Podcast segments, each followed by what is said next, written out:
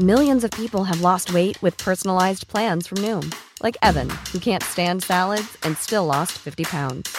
Salads, generally, for most people, are the easy button, right? For me, that wasn't an option.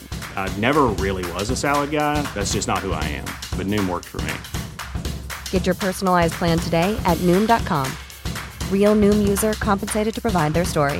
In four weeks, the typical Noom user can expect to lose one to two pounds per week. Individual results may vary. Burrow's furniture is built for the way you live.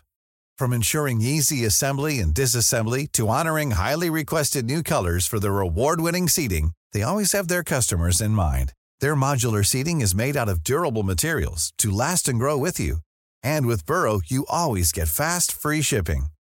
Get up to 60% off during Burrow's Memorial Day sale at burrow.com slash ACAST. That's burrow.com slash ACAST. burrow.com slash ACAST.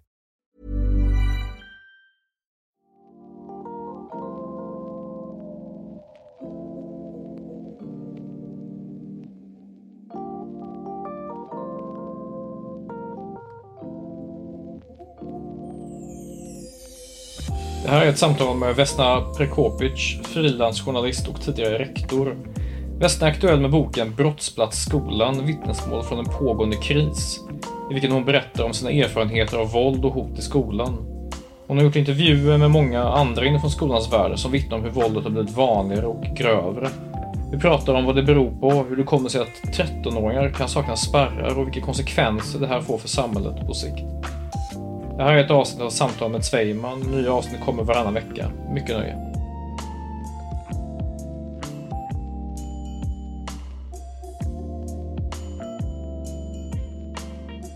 Vesna, eh, berätta för mig. Du, du har jobbat i skolans värld eh, innan du skrev den här boken och den här boken är ju, den är ju någon sorts resultat både av dina egna erfarenheter, eh, du har pratat med många inom skolans värld. Berätta för mig, vad, vad fick dig att börja jobba i skolan och varför slutade du? Eh, ja, jag kan försöka göra mitt livs historia kort här. Jag eh, har eh, jobbat inom skolan på lite olika sätt i eh, i alla fall 12 år ungefär. Eller snarare 15 faktiskt när jag tänker efter med massa vikariat och, och liknande. Jag började jobba i skolan för att jag eh, gillar ämnet svenska. Det är liksom den väldigt korta historien. Och älskar litteratur, älskar böcker, kommer från en, en familj där eh, mina föräldrar var liksom arbetskraftsinvandrare från Jugoslavien. Vi hade noll, de hade noll kulturellt kapital att föra vidare till mig. Men jag har alltid själv haft en drivkraft till att läsa, skriva och så. Och eh, det här har följt mig eh, under livet. Och det var ju inte helt självklart att jag skulle bli lärare, för jag är utbildad gymnasielärare i svenska och engelska. Eh, men det, det blev så för att jag tror att jag också tänkte att man måste ha ett riktigt jobb. Och då är väl lärare ett, ett väldigt bra, riktigt jobb där jag ändå får, får hålla på med den här passionen.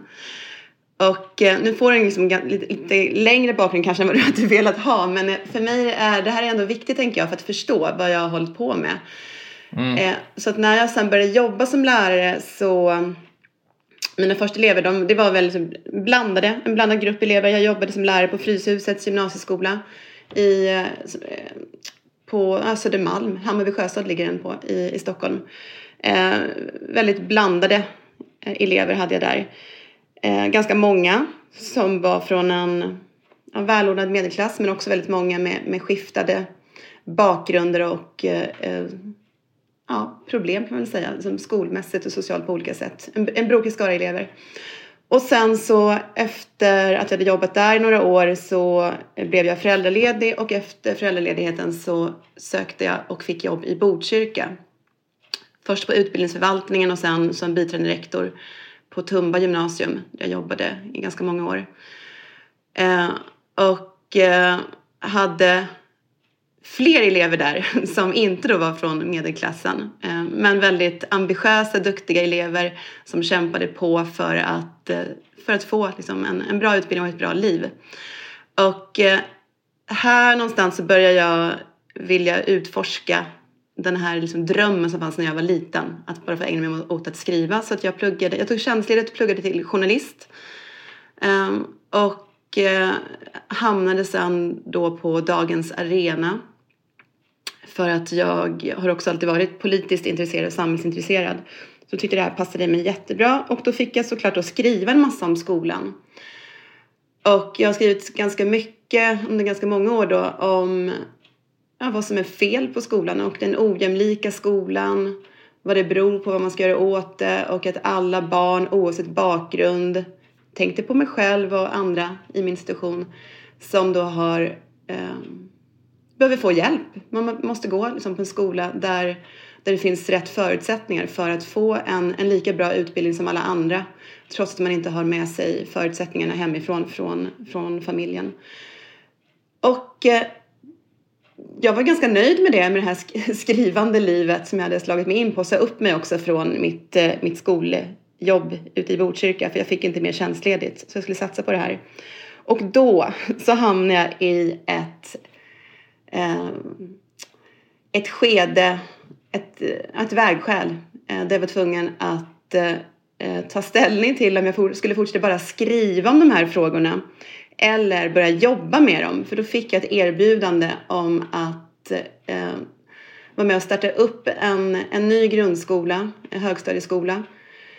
Och sen kliva in som rektor också, för då hade jag ju också med mig både de här, både erfarenhet, kunskap och utbildning kring att, att driva projekt och att eh, jag hade också blivit, eh, eh, blivit färdig med min rektorsutbildning då innan jag lämnade Botkyrka. Så jag hade hade väl alla rätt eh, på något sätt.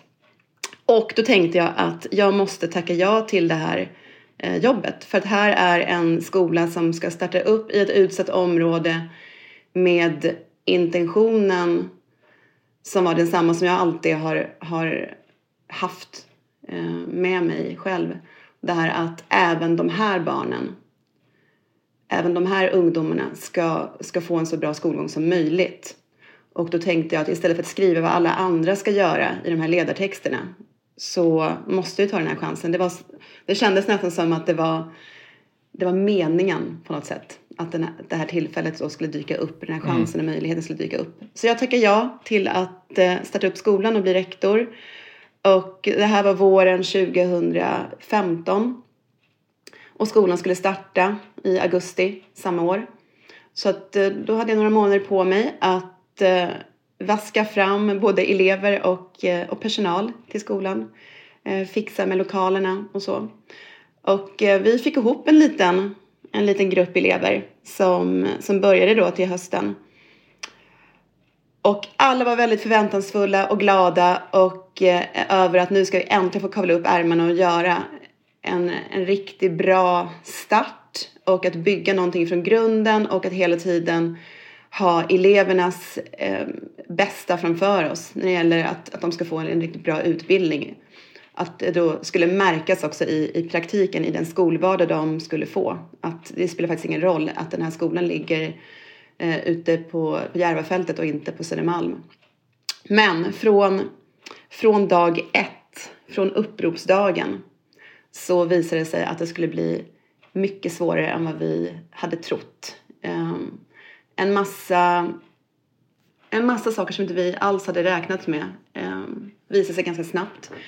Eh, massa elever som hade, vad ska jag säga, en annan syn kanske på skolan än vad, dels vad, vi, vad de borde ha, eh, men vad vi också hade räknat med. Så det blev ett år fullt av eh, otrygghet, stök, våld, hot, hot om våld, eh, destruktiva beteenden på olika sätt, eh, så här, prokriminella värderingar brukar man prata om ibland, som frodades bland vissa.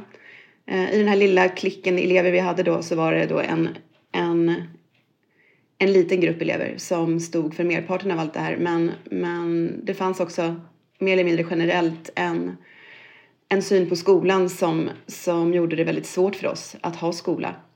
Och eh, eh det slutade med att jag sa upp mig på våren, eh, vårterminen 2016, jag tror det var i februari, mars, jag minns inte riktigt. Men jag skulle jobba klart då, för jag ville ändå slutföra och göra det här bra. I alla fall ett helt läsår, men jag blev tagen ur tjänst en månad innan sommaravslutningen för att det var för mycket hot mot mig. Så att ledningen vågade inte ha kvar mig för de visste inte om de här hoten skulle bli eh, verkliga eller inte.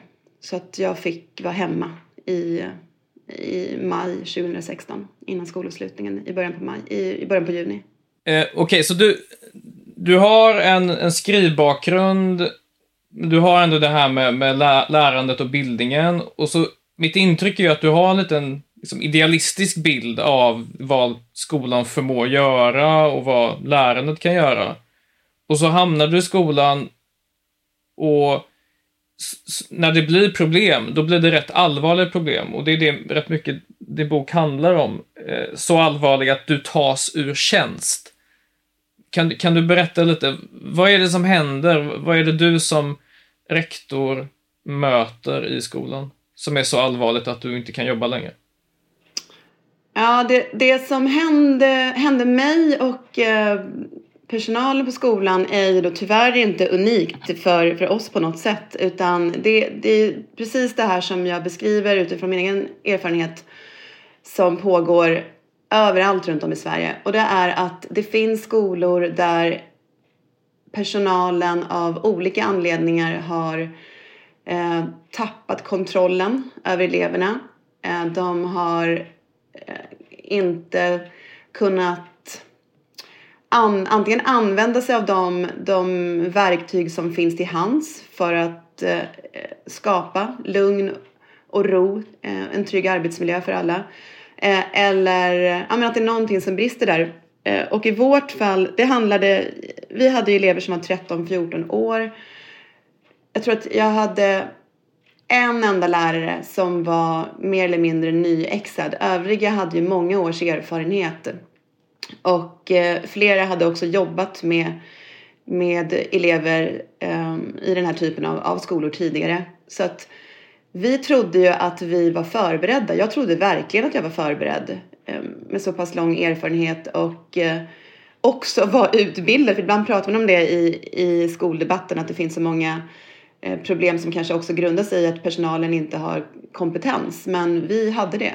Eh, men vi ställdes ändå inför det faktum att eh, det finns unga elever, som sagt 13-14 år, eh, ibland yngre, eh, men för oss var det 13-14 år, som hela tiden försöker, eh, och lyckas då dessvärre, flytta fram eh, gränser för vad som är okej och inte okej att göra, hur man beter sig och inte beter sig.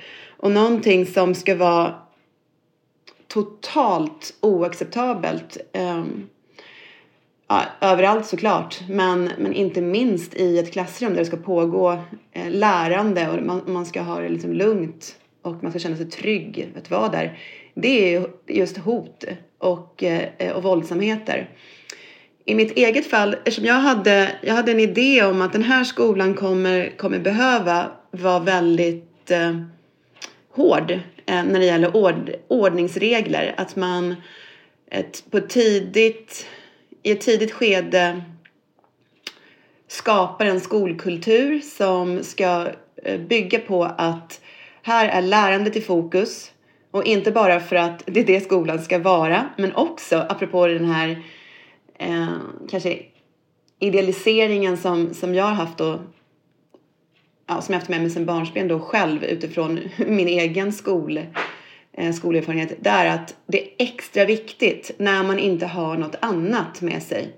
Man har inte eh, föräldrar som kan hjälpa man har inget nätverk, man, man bor inte i ett område där, där eh, där man har saker och ting gratis. Man, man måste kämpa sig fram i livet och då är skolan ett, ett sätt att skapa sig själv ett bra liv. Så att därför var det också extra viktigt att vi skulle skapa en skolkultur som, som skulle grunda de här eleverna i, i den här känslan. Allting är möjligt eh, om vi alla här tar chansen att göra skolan till en riktigt, riktigt bra skola. Och då ingår det att, eh, att hålla sig till regler. Det, det, det, det borde vara självklart, men det är inte det överallt. Och för mig så, så blev det viktigt också att, att på något sätt praktisera det här fina ordet nolltolerans mot, eh, ja, mot allt som är dåligt som inte ska finnas liksom, på en skola. Bland annat, man pratar inte hur som helst till varandra eller till sina lärare. Man eh, skräpar inte ner, man, eh, man, man är schysst helt enkelt. Eh, man talar väl, man för sig väl. Det ingår i att eh, också liksom lära sig att fungera som en, en, en blivande vuxen som ska ut i samhället utanför skolan och kunna fungera där.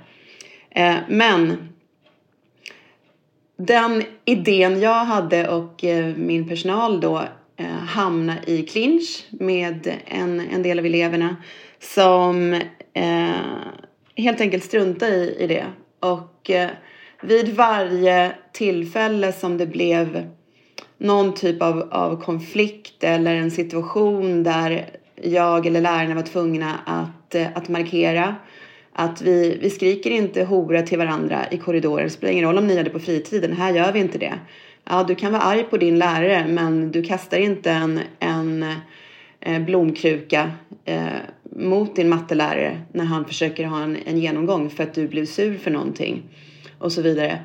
Eh, då blev all, allting blev egentligen värre eh, istället för att det skulle bli bättre. För att de här eleverna som betedde sig på det här sättet såg sig utmanade eh, av mig då framförallt eftersom jag också representerade den som var, eller jag var ju ytterst ansvarig, men jag fick på något sätt representera allting då som, som samhället stod för som de tyckte var dåligt och som skolan då som institution stod för som var dåligt.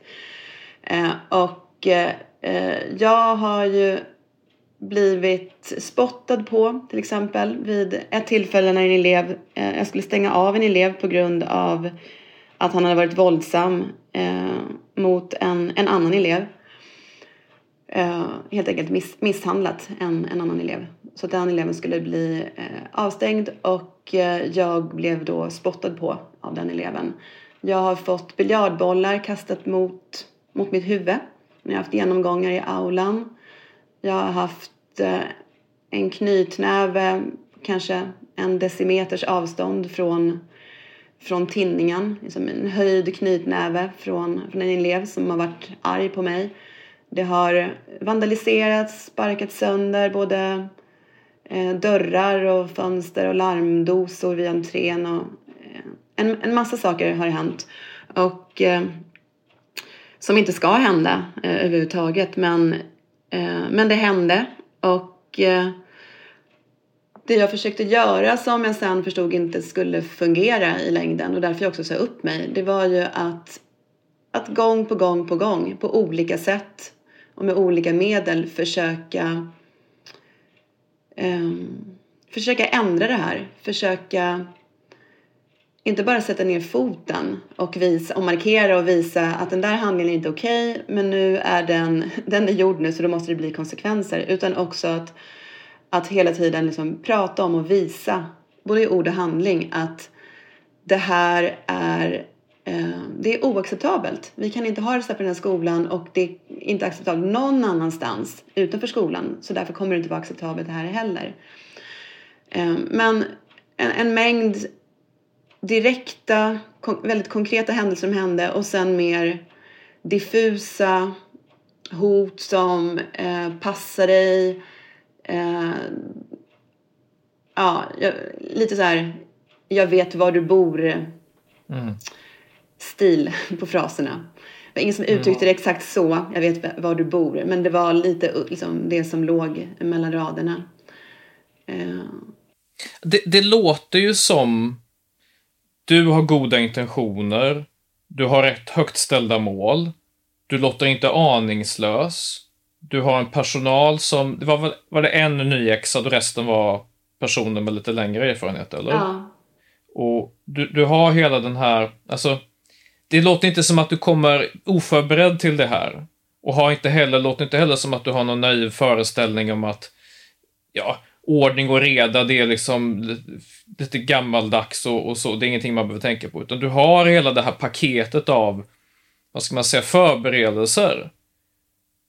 Och det låter som att du i den situationen ändå på något sätt, trots goda föresatser, är på något sätt hjälplös för att du möter någonting som är så Alltså, to total auktoritetsförakt. Ja. ja, det är ett jättebra ord. Totalt auktoritetsförakt och, eh, Um, och också ett förakt mot hela vuxenvärlden och samhället som jag tror också grundas i att, att ehm, och det här är spekulation men det här är ju min, min egen analys och gissning efter att jag har funderat väldigt mycket på vad som hände egentligen under det här året. Eh, när, när det inte blir konsekvenser på ett beteende då signalerar ju det att beteendet är okej. Okay. Och det finns ingen 13-14-åring, alltså i 7 8 då, som eh, från en dag till en annan så här, vaknar upp och bestämmer sig för att eh, nu ska jag testa och kasta en biljardboll mot eh, min rektors huvud för att jag är irriterad på vad hon står och maler om där framme. Det händer inte. Och att de här eleverna, det här är jag helt övertygad om och i vissa fall vet jag också för jag känner till eh, fick veta då också vilka andra skolor de kom ifrån och, och eh, de berättar ju själva också om, om skolerfarenhet tidigare. Eh, när, det in, när det inte händer någonting, när det inte blir tydliga konsekvenser, när det inte finns en efterlevnad av de fina ordningsregler man har eller att den här när det eskalerar så pass mycket eh, bland barn och unga då är det för att, alltså att de, de hela tiden flyttar fram gränserna av det du kallar för auktoritetsförakt som är det men som också är ett, ett eh, liksom, långfinger upp i ansiktet mot, mot alla, mot hela samhället för att det är ingen som har satt stopp för dem tidigare. Så är det väldigt, väldigt svårt eh, att, att sätta emot någonting. Eh, och eh, det, det finns saker som man kan göra och det finns också elever som är mottagliga för det. När man pratar om disciplinära åtgärder i skolan så allt ifrån att man, ja, men att du kan ha ett, ett allvarligt samtal med en elev och eh, elevens förälder. Eh, och det kan hjälpa jättemycket för att för en del så är det en, en stor sak och en pinsam sak att bli kallad till ett, ett möte med, med rektor och bli tillrättavisad och kanske få en varning för ett beteende. Eh, och för andra så är det ett skämt. För att när man har har gjort en del av, av det som finns att göra, nej, men då finns det inte så mycket kvar att göra. Du har till exempel inte rätt att stänga av elever eh, mer än ett, ett visst antal dagar per, per termin och per, per läsår. Och eh, du kan inte heller bara stänga av någon på, Man ska göra en utredning beroende på liksom vad det är som har hänt. Och det är saker som tar tid och det finns massa administration och byråkrati. Och eh, i, i mitt fall, vi, vi var ju en, liksom en ny skola som var väldigt liten, så rent lokalmässigt Ja, det är klart att jag kunde flytta elever från, bort från, från klassen om det var en elev som, som hade gjort någonting i, eh, ja, som behövde tas, tas bort från klassen tillfälligt. Men var då någonstans? Ehm, man pratar om att, att man kan ha särskilda undervisningsgrupper och kanske flytta till en annan lokal. Jag hade ingen annan lokal. Ehm, och jag hade också en, en huvudman som jag upplevde inte riktigt tog, tog det här på allvar. Ehm, och det berodde ju på att vi hade delvis olika syn på, på de här sakerna som, eh, som jag försökte göra. Ehm, när det gäller att, att skapa lugn och ro och trygghet och att, att eh, göra den här platsen till en skola och ingenting annat.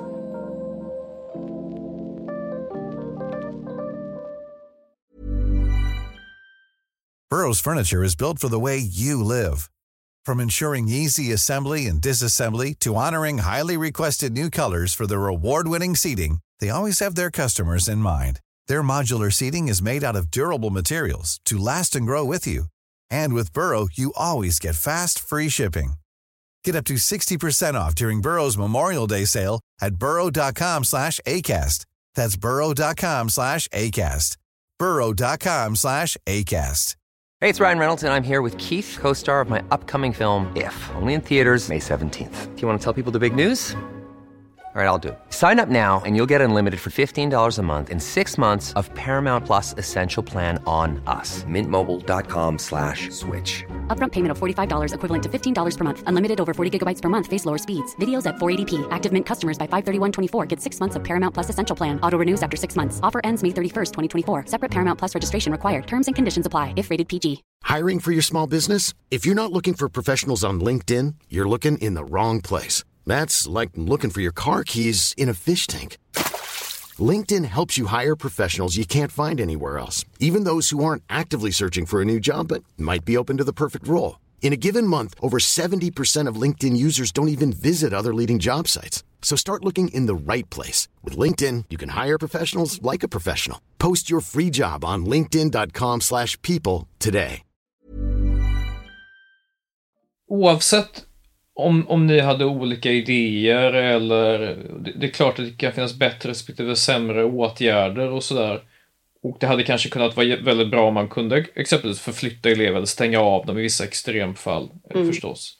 Men det, det jag funderar på, det som slår mig när jag läser, när jag läser din bok, och, och både dina egna erfarenheter och de du tar del av genom dina intervjuer, är att om ett barn passerar de här gränserna och liksom kastar en, en biljardboll, det är rätt tunga grejer liksom. Alltså det gör ju skada ifall den träffar. Eller hotar eller verbalt säger jag vet var du bor och så vidare. Alltså, har ett barn passerat den gränsen, då, då är det såklart, som du säger, det är inte att det barnet vaknade upp en dag som 13-åring pojk antagligen, för det var antagligen en mm. pojke.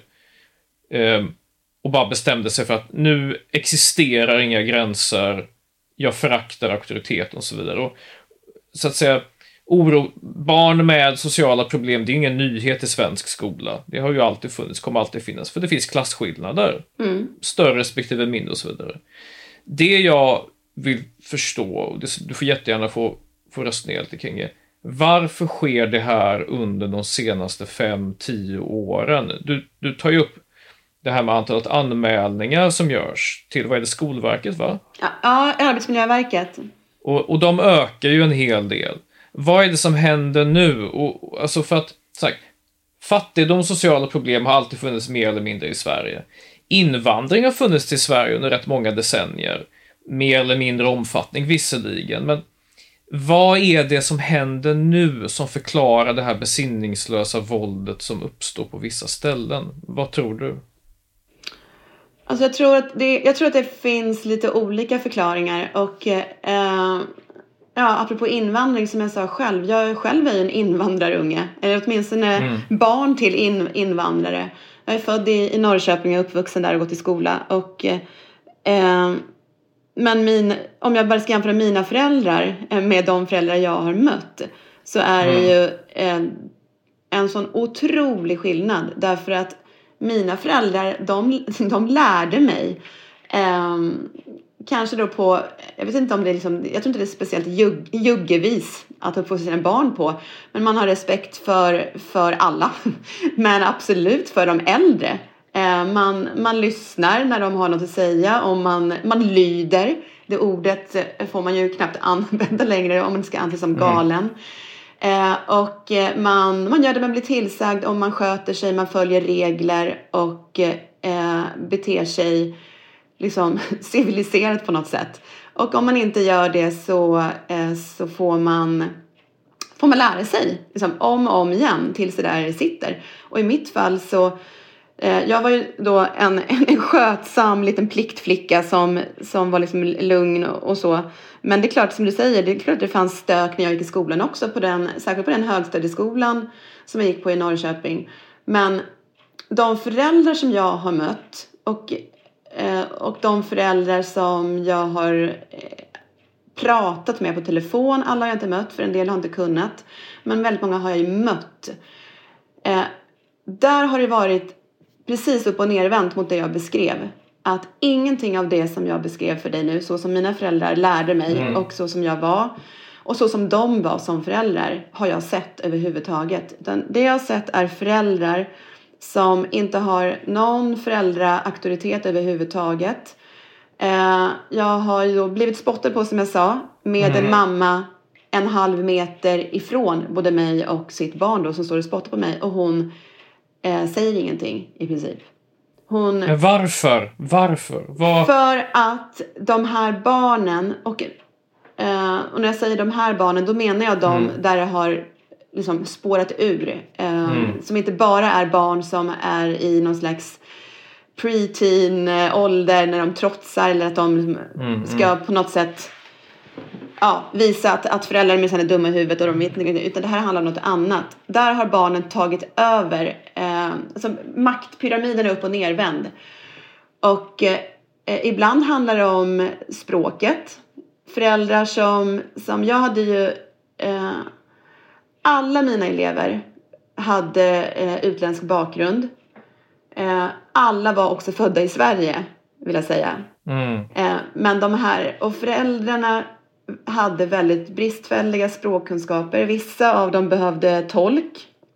Eh, när jag skulle prata med dem, andra gick det liksom att, att eh, väldigt långsamt så här. Vi fick traggla lite tillsammans, men det gick. De förstod bättre än vad de kunde svara mig och så.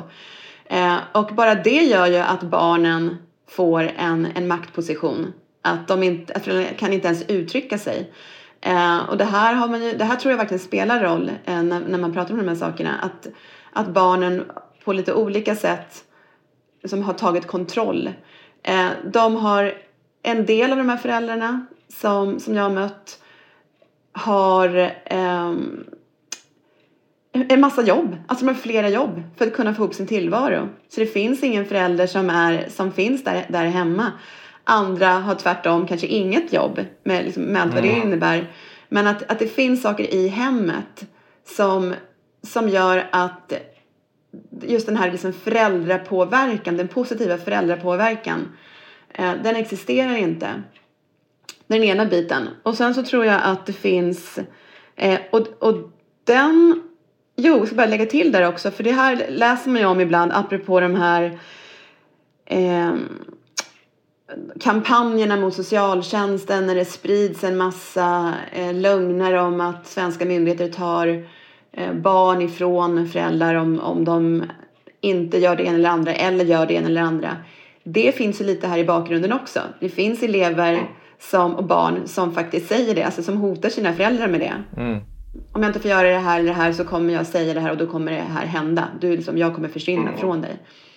Eh, men sen finns det finns också en, en sak som, för i mitt fall, absolut, man kan diskutera det här med liksom kultur och kulturella eh, aspekter som gör att det blir så här. Men när man läser Arbetsmiljöverkets anmälningar då kan man också se att det här är spritt. Och nu står det ju inga namn på det sättet men jag kan ju också tyda av vilka skolor och vilka kommuner och liksom var de finns.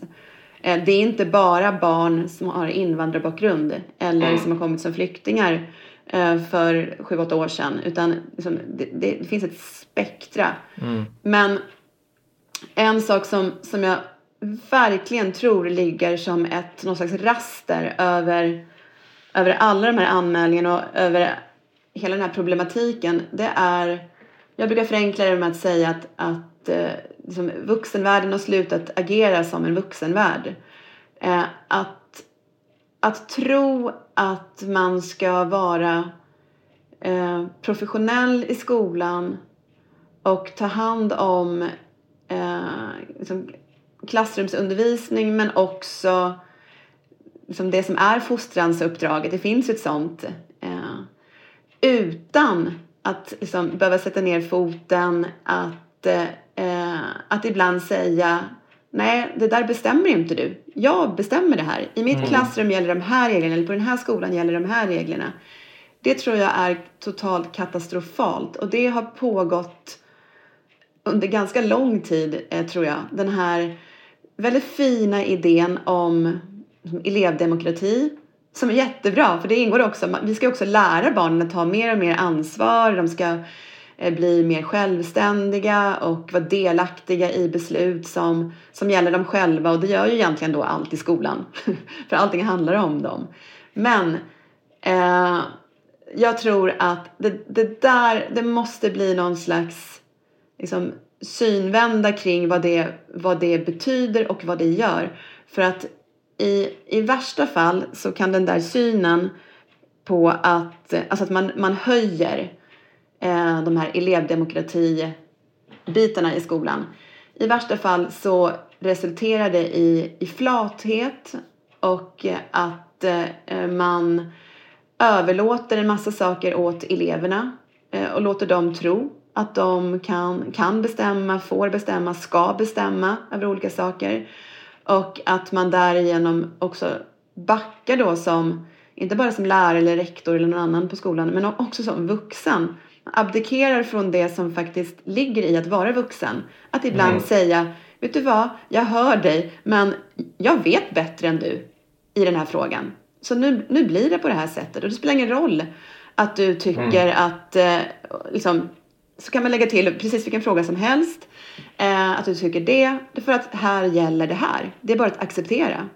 Förstår du hur jag menar? Att det är... Ja, Okej, okay, men det, det verkar finnas flera saker här. Alltså, eh, å ena sidan, ja, det här, det här händer över hela landet. Det är inte enbart barn med invandrarbakgrund där det kan finnas en sån här ja, språkförvissning hos föräldrarna. Föräldrarna har ingen kan väldigt lite om vad som händer i skolan, har kanske ett underläge visavi eleven. Ja. Sen, sen kan du ha på något sätt en trend i skolan och den har väl pågått rätt lång tid ändå. Alltså en sorts så här försiktighet, man vill den ska vara inkluderande, eleverna ska vara delaktiga i att besluta om det är ändå deras arbetsplats, deras plats de bildar sig och så vidare. Men mycket av det här fanns ju redan på 90-talet, gjorde det inte det? I viss mån. Eh, vad, hur, kommer, alltså hur kommer sig den här ökningen nu som är så... För att jag tror att vissa har svårt att föreställa sig hur, hur allvarliga de här anmälningarna är. Alltså det är verkligen det är hårresande saker. Mm. Och så tänker man sig själv, jag tänker mig själv i, i, i högstadiet, mellanstadiet, så tänker jag, alltså, vi hade aldrig, hade aldrig kunnat tänka oss att någon skulle göra så. Hade någon utövat våld eller hot mot en lärare eller personal, då hade det varit en... Det hade varit terminens största händelse på något sätt. Mm. Det hade varit så gränslöst och så konstigt. Eh, ja, jag, kan inte ens för, jag kan knappt föreställa och, och det här är vardag på vissa skolor. Och jag vill förstå hur det kommer sig att vissa blir så gränslösa. Och kan det vara så att, ja visst det är en kombination av olika faktorer, men är det någonting som har slått slint i övrigt i samhället för de här familjerna där de här barnen uppfostras? Du har ju mer inblick i det än vad jag har. Ja, men det, det, är det här som är det, det svåra när man ska prata om det här därför att det um, jag tror verkligen att det är en, en kombination av en massa saker och i vissa fall så, mm. så finns det eh, alltså en, en del faktorer som är viktigare än andra. Och tittar man på skolor i utsatta områden där det finns kanske eh, till väldigt stor del eh, barn då med eh, utländsk bakgrund så var, li här, var ligger de skolorna? Vad finns runt omkring? Mm. Skolorna ligger, om vi pratar om, om Järva till exempel, det som så många känner till eftersom vi, vi pratar om det hela tiden. Eh, Rinkeby, Tensta, Husby, Akalla, alla de, alla de här liksom platserna. Vad finns runt omkring skolorna? Jo, det finns våld, det finns destruktivitet, det finns mm. arbetslöshet, det finns trångboddhet, det yeah. finns råttor som springer runt i trapphusen. Det finns eh, frånvarande föräldrar. Det finns eh, närvarande mammor men de har åtta eller nio barn att ta hand om samtidigt. Och, mm. all, och det finns barn också, elever som såklart kommer från en destruktiv hemmiljö där det inte alls är otroligt att det förekommer våld också. Antingen mot dem själva eller mot någon annan familjemedlem. Och att det våld som de bär med sig hemifrån, antingen i hemmet eller från liksom närmiljön, det är klart att det följer med in eh, i, mm. i skolmiljön. Därför att det är inte två olika planeter. Skolan är en del av mm. samhället. Och, och samhället blir en del av skolan, de hänger ihop. Och där är det eh, jätte, jätte viktigt att förstå att eh, eh lite olika saker. Dels är det viktigt att förstå att de skolorna behöver resurser i form av, eh, inte att man ska strössla pengar bara vilka pengar som helst. För jag intervjuade ju Happy Hilmarsdottir som var eh, grundskolechef i, i Järva innan hon bytte jobb. Eh, Mm. Nu är hon i, Järfälla och ska göra om samma, samma bra arbete hon gjorde ute i Järva. Eh, hon sa ju till mig att ibland så, så pratar man om, om att det saknas resurser och då menar hon att det gör det inte alls. Det finns jättemycket resurser, särskilt i de här skolorna, alltså just när det handlar om de här skolorna i utsatta områden. Därför att det är, det är så stort tryck på politikerna och då vill de visa att de minsann gör någonting.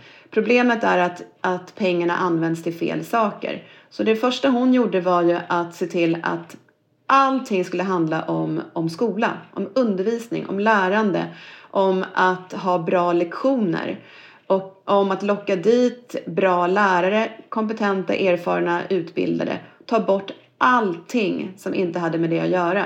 Alla sådana här projekt. Nu ska vi bli Eh, nu, nu ska vi öka integrationen, nu ska vi öka lugnet från externa aktörer. Det finns jättemånga sådana som vill in och tjäna pengar på, på det här.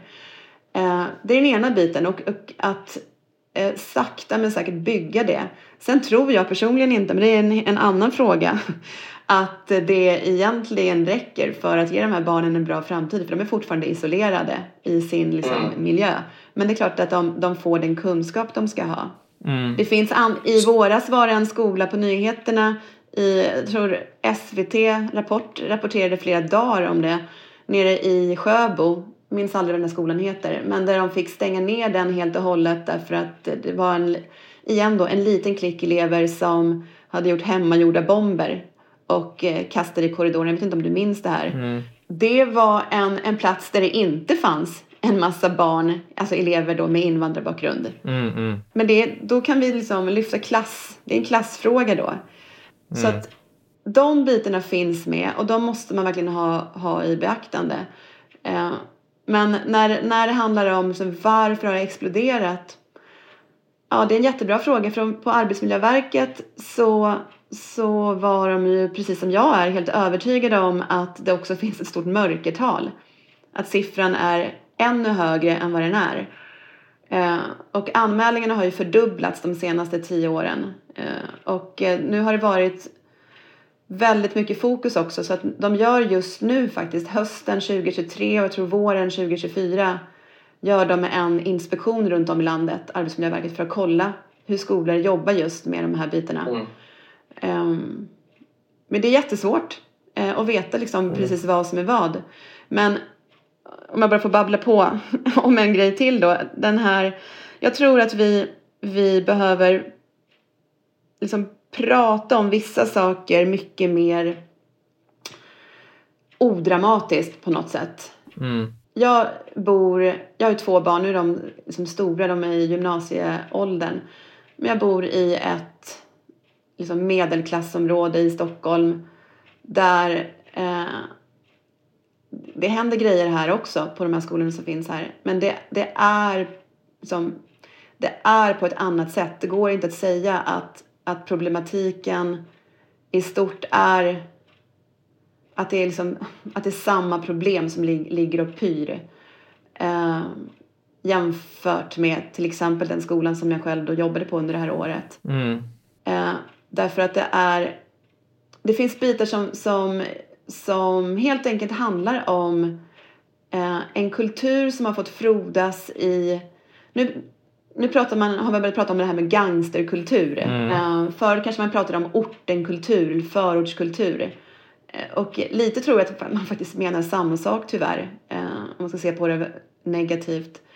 Eh, men det finns, det finns en väldigt, väldigt destruktiv kultur som är framförallt bland killar, finns även bland tjejer. Jag har också haft eh, tjejer i, alltså flickor då, då eh, i skolan som jag har sett och eh, eh, både pratat och betett sig väldigt liksom destruktivt, eh, normbrytande. Men framförallt så är, är det killar. Och det som, det som förenar tycker jag den här diskussionen som, som rör eh, unga killar som dras in i, i gängkriminalitet eller i den här gängkulturen med det som i alla fall jag känner till eh, liknande problematik inom, inom skolan. Det är exakt samma saker. Det är, liksom, det är en vurm för att, eh, att skaffa sig och ha ett stort våldskapital som man sen eh, aktivt använder. Att eh, visa att man står utanför eh, gängse regler, lagar, normer. Mm.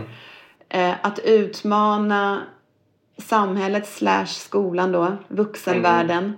Eh, och att eh, hela, hela tiden eh, bevisa att, eh, att det är liksom de som, som bestämmer. Och det kan man göra Ja. på olika sätt. Och jag tror att in, innan vi kan, och, och den typen av beteende, eh, det, det finns, eh, enligt min erfarenhet i alla fall, framför allt i alltså utsatta områden där det finns Mm, väldigt mm. många med utländsk bakgrund. Ja. Alltså, jag, jag skrev om din, om din bok. eh, för den, den gjorde intryck på mig. Och jag beskrev det som att det här känns som ett kapitel i berättelsen om det här är en sorts nytt Sverige. Eh, som jag ofta skriver om i mina texter. Och jag försöker förstå vad det är som, vad det är som har hänt. För att jag tycker det finns ett underskott av nyfiken, liksom på något sätt ärlig, fördomsfri förståelse för hur det här nya Sverige artar sig. Jag återkommer väldigt ofta när jag skriver om det här till hur jag själv växte upp. Likt du, föräldrar från utlandet som kom till, mina föräldrar kom på 80-talet. Vi bodde inte i ett utanförskapsområde, men ett område som hade kanske, jag vet inte, 10% utrikesbakgrund. Vi var så pass få med utrikesbakgrund att oavsett vad vi hade för kulturella egenheter, och problem och så vidare, och det hade vissa, eh, så var vi så pass få att det vi var med sociala problem tilläts aldrig bli så stort problem för att vi så att säga sögs upp av majoritetsbefolkningen språkligt, kulturellt och på andra vis. Det är klart det fanns klasskillnader ehm, och det lyste igenom i skolan och så vidare. Men det jag minns från barn med invandrarbakgrund runt omkring mig var ju att våra föräldrar hade någon sorts försiktighet inför Sverige. Att vi ska vara tacksamma, försiktiga, liksom att det var, lite så här, det var nästan lite självutplånande ibland. Jag ty kunde tycka att det var lite pinsamt så. Men också en sorts budskap att du måste anstränga dig väldigt mycket. För vi har kommit från noll och nu ska vi skapa någonting här. Eh, och vi kommer alltid ha... Och jag kände ju själv, de svenska barnen talade om landet och de hade... Alltså så här, det fanns mycket resurser där som jag kände avund inför.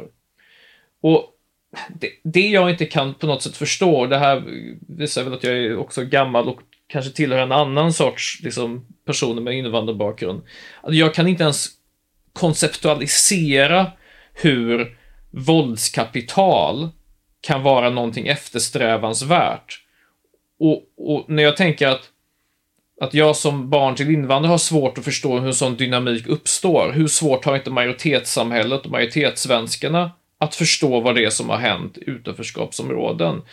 Och, och när, jag, när jag läser hur, hur, hur du berättar om hur skolan försöker hantera, ibland bättre, ibland sämre, så påminner det ju mig också om hur andra delar av samhället, socialen och kommunala fastighetsbolag och kommunen och så, också polisen försöker hantera sånt där. Och att man har inte resur- man har resurserna, och man kanske inte använder dem rätt, men att det har skapats en, liksom en, en subkultur i Sverige som är så våldsam och rekryterar barn så unga i en så dysfunktionellt, dysfunktionell kultur att vi vet inte vad vi ska göra av det här. Och det är inte barn som är i hemlandets kultur. Så man kan inte skylla på att säga ja, det, det handlar om stamsamhällen och det handlar liksom exempelvis om, om eh, religion eller någonting. För de är ju inte hemmahörande där heller. Nej, jag De håller är med. varken här eller där. Nej, och jag ska bara säga, för att jag avbröt dig, men precis det där du sa på slutet tycker jag är väldigt, väldigt viktigt att också eh, komma ihåg och också minnas vad det betyder. Därför att det är en sak att säga, eh, man skulle kunna, kunna ta vilket ämne som helst, vilket område som helst där någonting inte fungerar. Och så säger man, hmm, när började det bli dåligt? Ja, var det inte när, när flyktingkrisen drabbade Sverige 2015? Och så då är det lösningen på allt, eller förklaringen på allt. Det är inte så enkelt. Utan väldigt, väldigt många, eh, de allra flesta gissar jag, det finns väl siffror på det, är ju födda i Sverige. Det är andra eller tredje generationens invandrare. Så det, liksom, det är något annat som, som är problemet. Eh, och jag tror att... Oh, jag blir så upphetsad av det här. Jag blir, så här, jag blir arg och ledsen samtidigt. Mm. Jag tror så här, att jag känner igen allting du sa om dig själv där, det känner jag också. Nu är jag äldre än dig, jag är född 74 och gick i jag är uppvuxen i ett område i Norrköping som heter Hageby som jag gissar mm. skulle vara liksom Stockholms svar på Alby eller Husby eller något sånt. Ett, ett mm. invandrartätt område. Men när jag växte upp där så var det, det var ändå blandat. Det var mm. jugoslaver bodde där, eh, greker, chilenare, eh, turkar, finnar och en massa svenskar. Det var liksom blandat. Mm. Det var precis så som du sa. Så mm. Det är klart att det påverkar. Det påverkar en massa saker. Mina föräldrar hade jobb. De var arbetskraftsinvandrare. Mamma jobbade mm. på Ericsson, pappa på Holmens bruk. De gick inte en sekund i någon SFI-skola för de lärde sig svenska på jobbet. Eh, så det, det, är så mycket som har hänt. Eh, när man tittar på liksom hur, hur det faktiskt, de faktiska förutsättningarna för att bli integrerad i samhället. För det är ju såklart det som är en jättestor del av det här. Och jag tror att, att om man också tänker på liksom vad, bara det här ordet, vad betyder det ens att vara integrerad? Eh, mm. Och det här har jag tänkt på så mycket och det, det var ganska många år sedan jag började irritera mig på att jag, vet, jag läste allt ifrån nyhetsartiklar och intervjuer och, och opinionstexter och allting när man lite så här kastar ur sig ordet integration och menar att mm. ja, men, eh, arbetslösheten har minskat. Därför har segregationen minskat också. Yeah. Nej, det stämmer inte. Bara för att du har ett jobb betyder inte att du är integrerad. Skolresultaten har ökat i det här området. Mm. Barnen blir mer integrerade. Nej, det blir de inte. För det är fortfarande 90 eller 100 procent barn mm. från det ena eller det andra landet eh, och där det inte talas svenska. Och, och här också, i det här finns den här, om jag ska backa till det här som kanske är för flummigt för att ta in vad jag egentligen menar, med det här med vuxenansvar. Och mm. att någon gång så slutade eh, det svenska samhället eh, liksom förklara för de som inte visste vad det svenska samhället var, vad det är. Alltså, genom att säga ja. i det här landet gör vi så här, i det här landet gör vi inte så här. När det gäller de sakerna som man kan förklara med, med kultur till exempel. Eh, att det mm. finns någon, alltså, någon slags ängslighet. Och att, att eh, men det har inte bara med det utan det, liksom, det är generellt. Men jag tror också att mm. i de här områdena där, där väldigt, väldigt många kommer från en massa blandade kulturella bakgrunder. Då blir det ju extra viktigt att skapa stadga, trygghet, stabilitet. Visa vad är det som gäller, vad är det som inte gäller.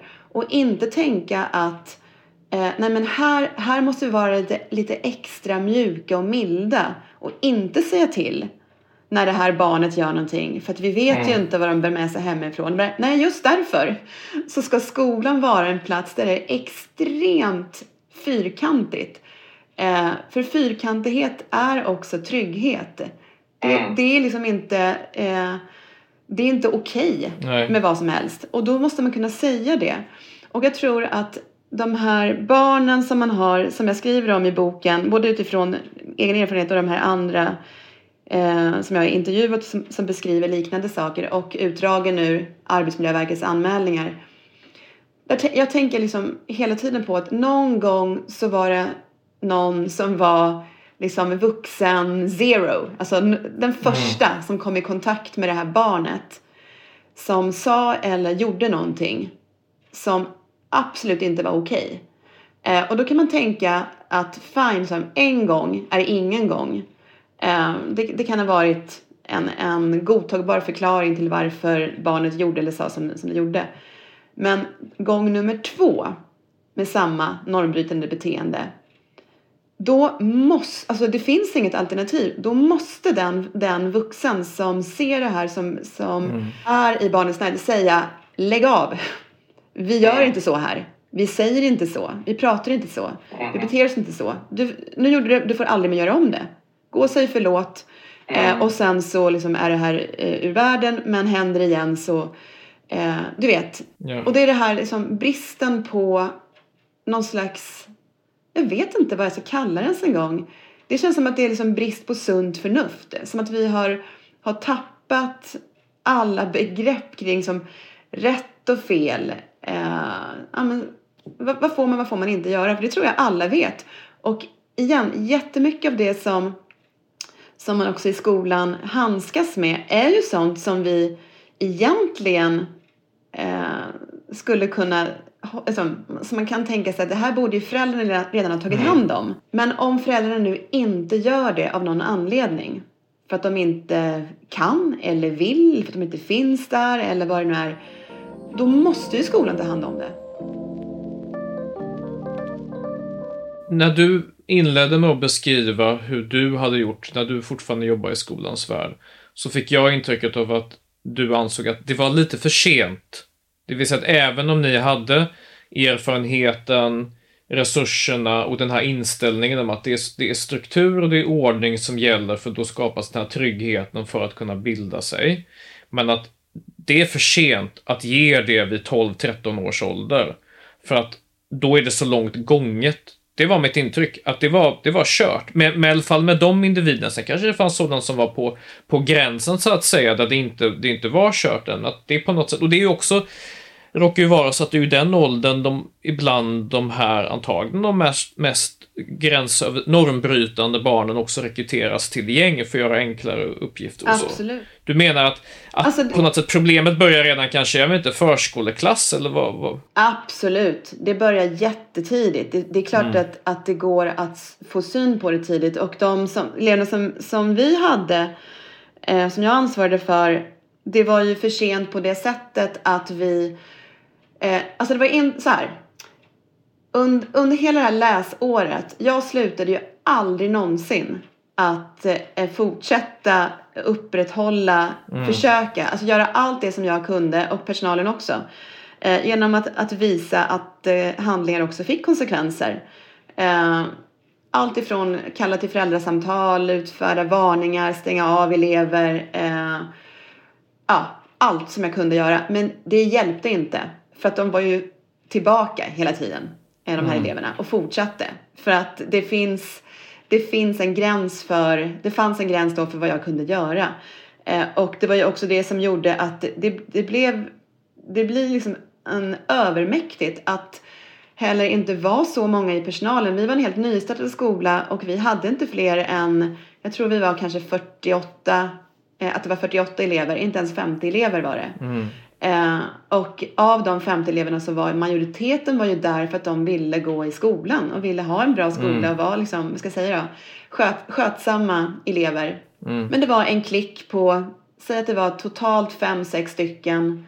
Tre, fyra mm. av dem var de som stod för liksom allt det grova. Och, mm. eh, och procentuellt sett så är det ganska mycket. Eh, för den här skolan i Sjöbo som jag nämnde förut, där var också fyra, fem elever på en skola där det gick 450 elever.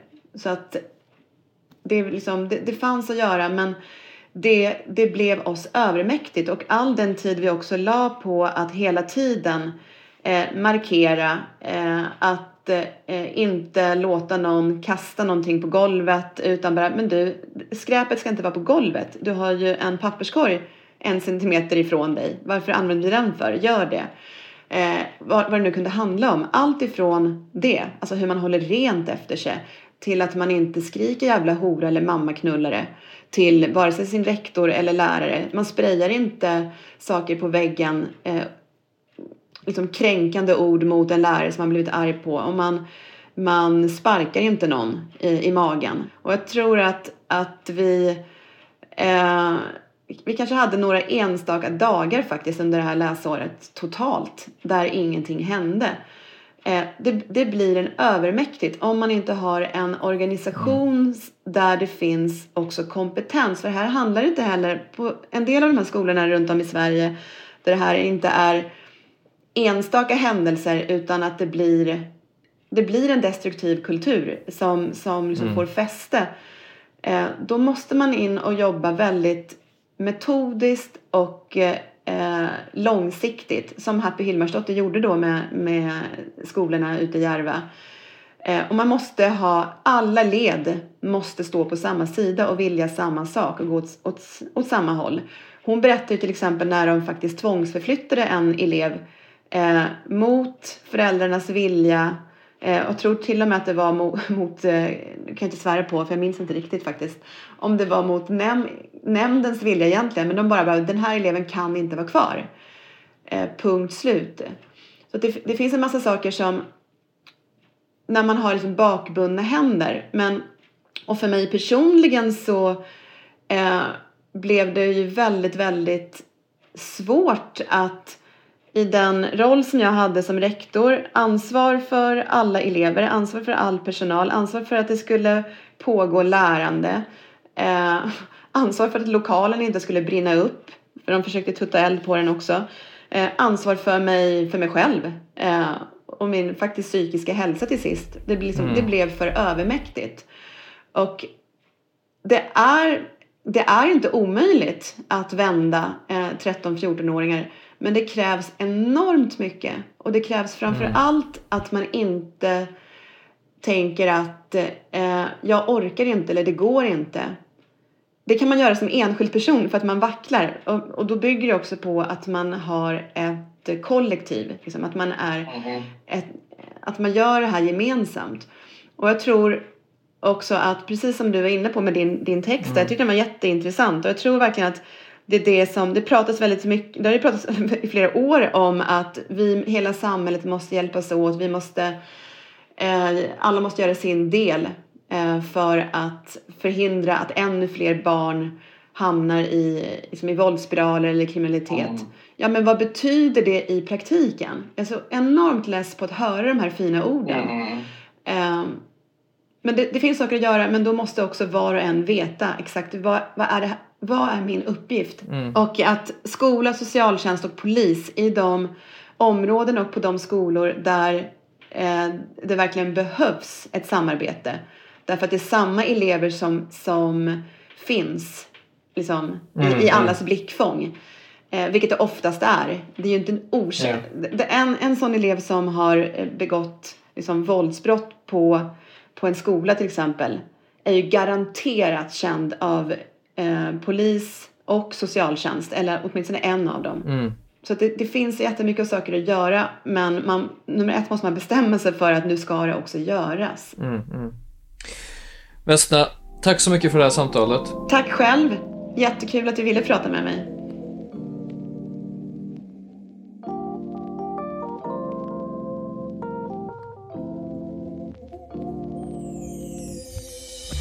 Du har lyssnat på Samtal med Svejman, en podd från Göteborgs-Postens ledarredaktion. Producent för detta program är Isabella Persson. Mitt namn är Adam Svejman och nya avsnitt kommer varje tisdag.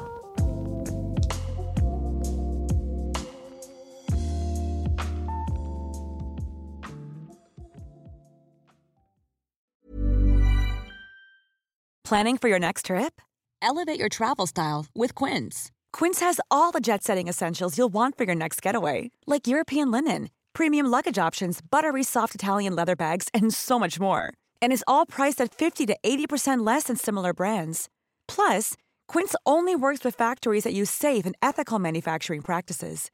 Pack your bags with high-quality essentials you'll be wearing for vacations to come with Quince. Go to quince.com/pack for free shipping and 365-day returns.